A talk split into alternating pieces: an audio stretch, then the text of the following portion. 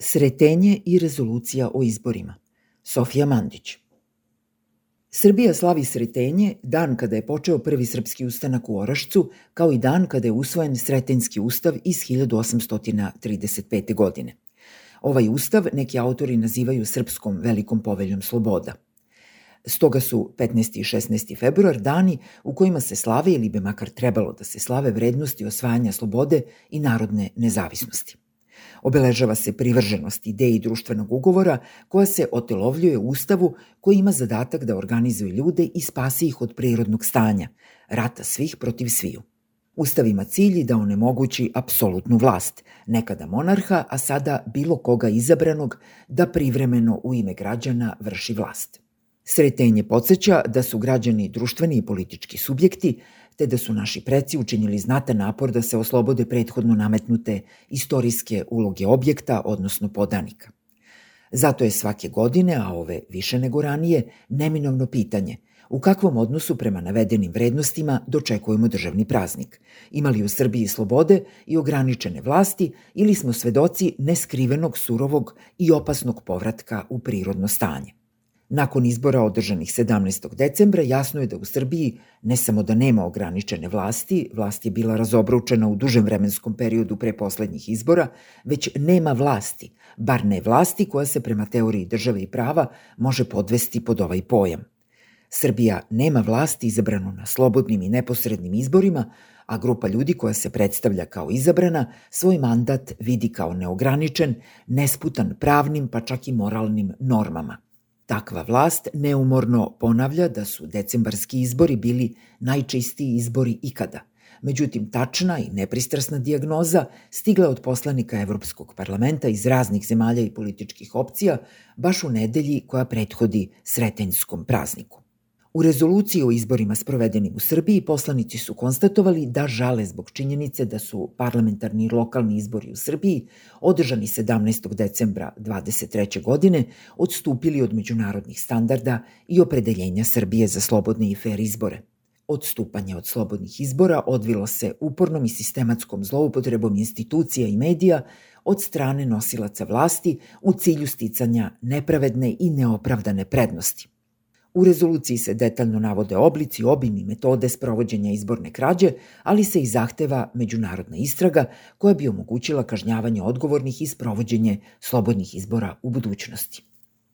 Ovo je potrebno navesti jer je sedam dana nakon usvajanja rezolucije jasno da predstavnici vlasti ili vlasti nemaju nameru da ovaj akt prevedu na srpski, već samo da ga pristrasno interpretiraju režimskim medijima. Zašto pristrasno? Upravo zato što rezolucija, odnosno poslanici koji su za nju glasali, nemaju dilemu u pogledu toga šta se desilo. Sticanje nedozvoljene izborne prednosti, kako se desilo, zloupotrebom državnih institucija i medija i ko je to učinio, nosioci vlasti. Sve institucije su bile upregnute kako bi sprovele i zataškale izborni inženjering, a ne kako bi ga sprečile i istražile.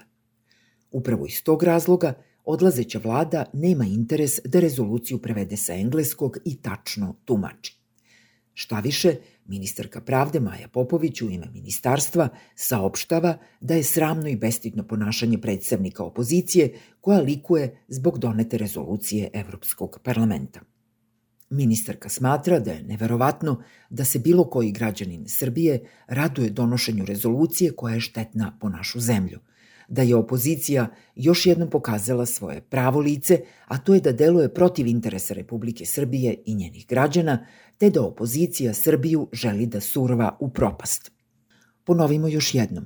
Ministarka pravde tvrdi da je zahtev za slobodnim izborima štetan po zemlju, a da pojedinci koji tako nešto zahtevaju deluju protiv interesa Srbije i rade na njenoj propasti. Kakve sve to ima veze sa Sretenskim ustavom – prilične, makar u delu koji se tiče stvarne propasti. Sretenski ustav narodne poslanike vidi kao skup najodabranijih, najrazumnijih, najpoštenijih predstavnika koji zaslužuju najveći stepen narodnog poverenja. Takva skupština, propisuju sretenjski ustavopisci, izabrana je u skladu sa zakonom, ima obavezu da knjazu prijavljuje probleme i predlaže usvajanje zakona za te probleme, pritužuje predstavnike izvršne vlasti knjazu, a posebno ako bi oni narušili ustav i prava utvrđena ustavom.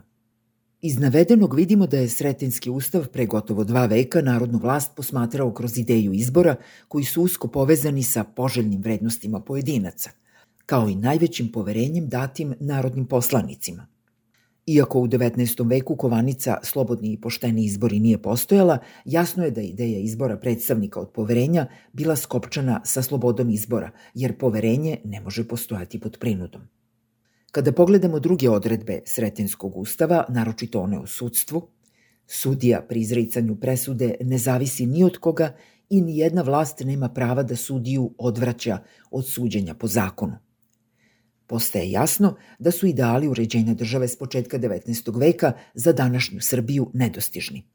Niti je Srbija birala slobodno, niti je birala najbolje, niti su sudije o situaciji od 17. decembra sudile po zakonu. Upravo zato se slučaj srpskih izbora našao pred Evropskim parlamentom, jer su sve domaće institucije ćutale ili otvoreno podržavale otimanje suverenosti od građana. Na sretenje se podsjećamo da nam građanska suverenost nije pala sa neba, već da nam je uručena da se prema njoj odnosimo sa najvećom pažnjom, kako zbog njene suštinske vrednosti, tako i zbog nemalih žrtava koje su u Srbiji, ali i na tlu celog sveta, podnete za uverenje da čovek treba da teži da slobodno i u dogovoru sa drugima upravlja državom, da bude svoj, a nikada više podanik. Zato bi u sretinskim neradnim danima bilo dobro odvojiti nešto vremena za razmišljanje o tome kako smo se toliko vrednosno udaljili od onoga što navodno slavimo i šta još, dok nije sasvim kasno, možemo da učinimo za vrednosti koje su, uprkos trenutnom nasilju i uzurpaciji vlasti, u temeljima naše zajednice.